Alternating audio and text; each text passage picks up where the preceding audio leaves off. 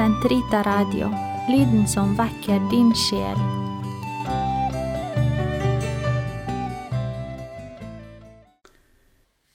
Den katolske kirkes katekisme, uke 50, 1005 1011. Å dø i Kristus Jesus. For å oppstå med Kristus må vi dø med Kristus. Vi må flytte bort fra legemet og komme hjem til Herren. 2. kor 5,8. Ved det oppbruddet, Filipperne 1,23, som døden er, skilles sjel og legeme ad. De gjenforenes den dag de døde oppstår. Døden. Stilt innenfor døden blir den menneskelige tilværelses mysterium aller mest ubegripelig. I en viss forstand er den legemlige død noe naturlig, men for troen er den virkelig syndens lønn, Romerne 6, 23. Og for dem som dør i Kristi nåde, er den deltakelse i Herrens død for å kunne få del i Hans oppstandelse. Døden er slutten på jordelivet. Vårt liv måles i tid, og i tidens løp forandres vi, eldes vi, og for oss som for alt levende på jorden, ter døden seg som den normale avslutning på livet.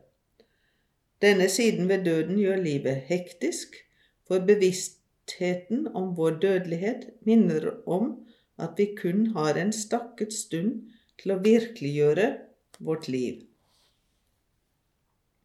Tenk på din skaper i ungdommens år, før støvet vender tilbake til jorden, og ånden går til Gud, som ga den, forkynneren 12, 1 og 7.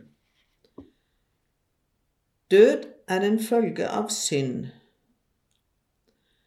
Som sann tolker av Den hellige skrifts og av tradisjonens utsagn lærer Kirkens læreembete at døden trådte inn i verden på grunn av menneskets synd. Selv om mennesket av natur var dødelig, hadde Gud bestemt det til ikke å dø.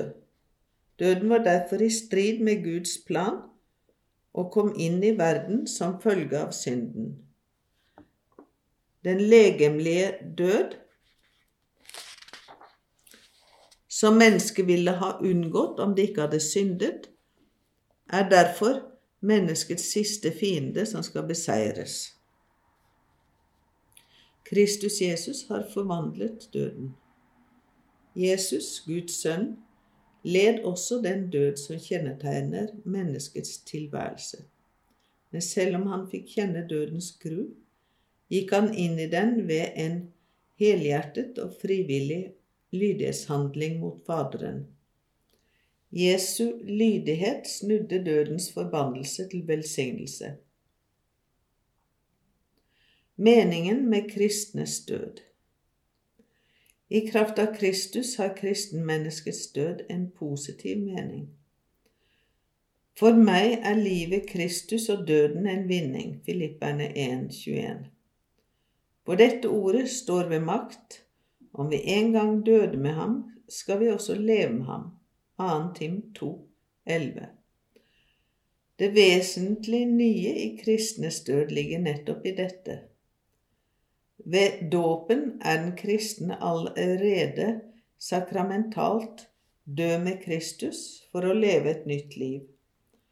Og dør vi i Kristi nåde, fullbyrder den fysiske død denne død med Kristus og fullender vår innlemmelse i ham og hans frelsergjerning. Det er bedre for meg å dø i Kristus Jesus enn å herske til jordens ender. Det er ham jeg søker, han som døde for oss. Ham er det jeg vil ha, han som oppsto for oss. Min forløsning er nær.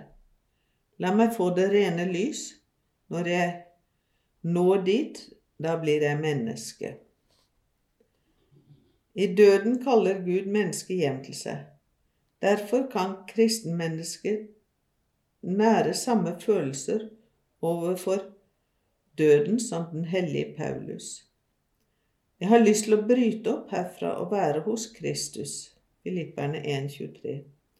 Og etter Kristi eksempel kan det forvandle døden til en kjærlighetsfull lydighetshandling mot Faderen. Min jordiske lyst er blitt korsfestet. Det er i meg et levende vann som mumler og sier inni meg, Kom til Faderen. Jeg vil se Gud, og for å se ham må jeg dø. Jeg dør ikke, jeg går inn til livet.